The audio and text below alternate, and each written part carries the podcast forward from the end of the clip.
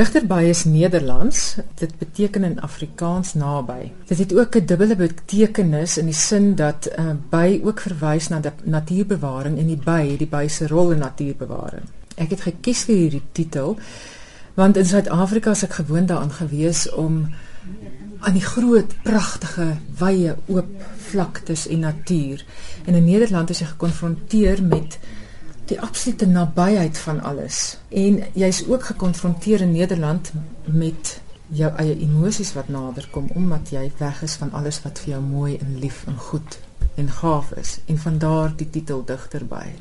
So dit verwys na die by en dit verby verwys ook na die natuur wat naby is en ook ehm um, jou eie emosies en verlange en hinkering. Dit is interessant dat jy sê wat die titel is want ek het toe ek dit dadelik sien my Nederlands is nou nie so goed nie maar die digter ehm um, dis asof ek as ek na van jou werk kyk dan maak ek my eie stories. Dis absoluut poëties eintlik. Absoluut dit ook. Dit ook dit verwys ook na digter. Jy kan jou eie verhaal vertel in 'n in 'n skildery. Uh, dit is eintlik ook vir interpretasie. Jy kan jou eie gedig, hooplik kry jy gedig en 'n verhaal uit 'n kunswerk. Mens kan duidelik in jou werk sien die verlange na Suid-Afrika. O ja. Ja, dit is dit. ja, dit is daar. Absoluut. Die op groot vlaktes, die, die ja, wild, die mense, die kreatiwiteit, die Suid-Afrikaners is so ongelooflik kreatief.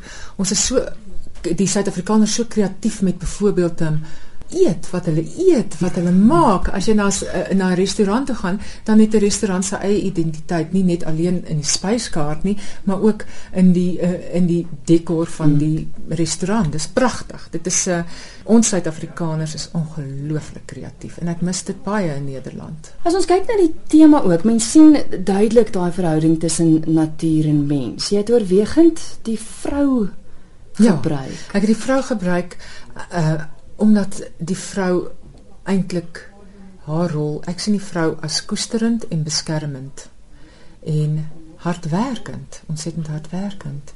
Uh so ek het definitief gekies vir die vrou. Interessant, ehm um, die vrou ook verwys ook na die hyena. Ehm um, ek het ook 'n uh, aantal skilderye gemaak van hyenas, nie net omdat my gunsteling dier is nie, maar regtig. Ja. dit is dit is my gunsteling, een van my gunsteling diere. Ehm um, uh die matriarg is ook uh hoof van die van so 'n hyena trop. Ehm um, wat ook kyk dat en sy's dominant. Mm. En wat kyk dat alles in so 'n trop goed verloop en dat almal versorg is en dat almal gekoester is in so 'n trop. Hulle is ook uh, in die uh, Ngorongoro krater het hulle navorsing gedoen en agtergekom dat die hyenas is eintlik meer suksesvol in die jag as die leeu's.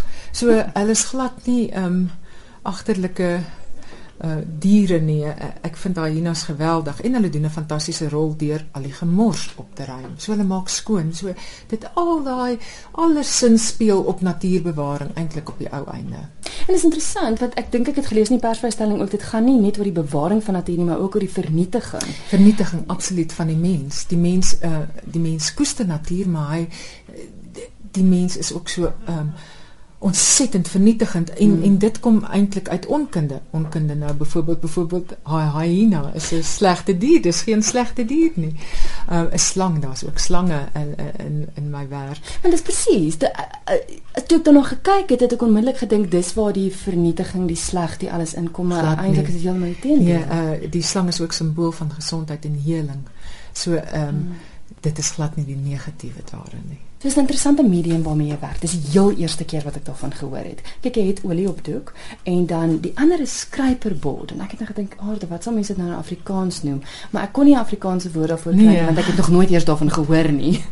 Wat is skryperbord? Skryperbord is um dit is eintlik 'n redelike ou medium wat hulle destyds gebruik het vir grafiese kuns, maar ek ek O, wat ek net wil by sê, die ehm um, skryperbord is die oorspronklike kunswerk. Dit is nie 'n afdruk of 'n iets of iets nie. Daar bestaan net een kunswerk en dit is die skryperbord.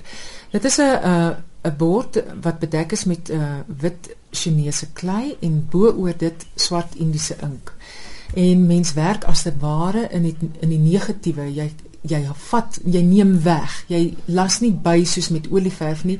Jy dit is dit is mense kan dit byna vergelyk soos 'n beeldhouer wat wegkap uit 'n ja. blok hout uit.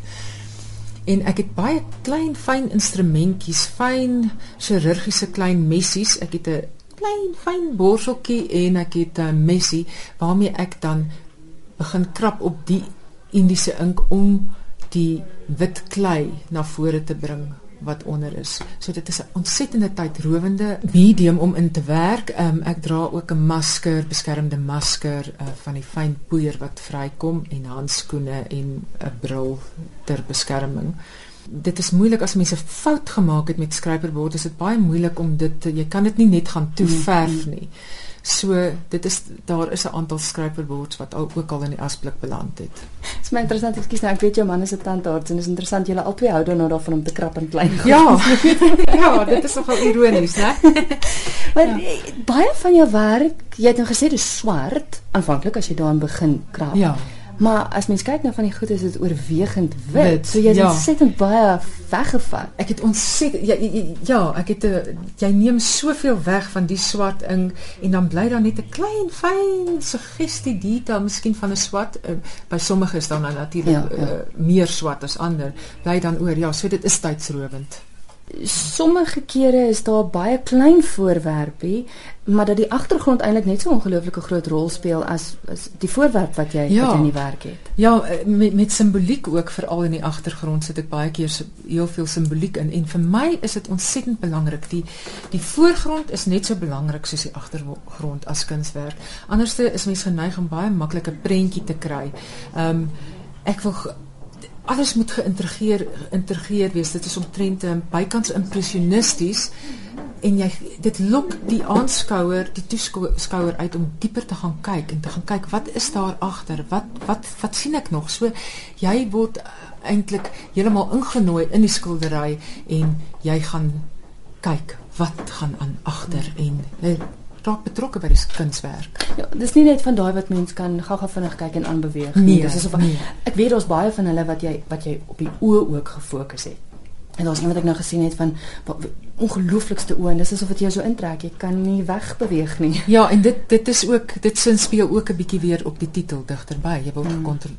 gekonfronteer bietjie met die oë. Ek het ook uh, twee skilderye, uh, twee skryperboards wat waar ek reg klem gelê het op die oë. En ehm um, die een uh, kunswerk is een skrywer word se titel is dan ook digterby en onder staan dan net be wat ook verwys na be uh, om te wees of be by en die oog kyk eg na die toeskouer en die oog konfronteer jou met 'n nabyheid mm. wat hoe jy dit ook al sou wou interpreteer mm. Is daar 'n simbiose tussen die verskillende mediums waarmee jy werk? Het jy die olie nodig om jou te inspireer wat jy met die skrypbord doen en andersom of staan dit weg van mekaar? Ironies genoeg het ek altyd geskilder met olieverf en ek vind dat die ontsettende harde medium wat skrypbord is en aanvanklik het ek ook uh, ontwerp georiënteerd gewerk uiteindelik my losgemaak het en ook my kunswerk, my skilderwerk losgemaak het. So dit is eintlik bietjie ironies dat so 'n harde medium so ontsettende invloed het op skilderkuns vir my gehad het en dat my werk so losgeword het, kan 'n mens maar sê. Wat wil jy nog doen?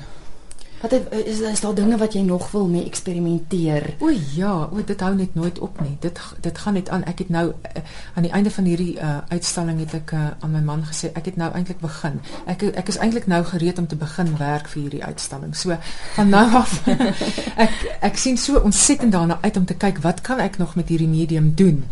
Uh en ek sien dit glad nie as 'n rigiede medium nie. Ek ek sien eintlik daarna uit om net te eksperimenteer en te kyk wat kan nog hier uitkom. So ek het eintlik nou eintlik begin. Voel dit vir my.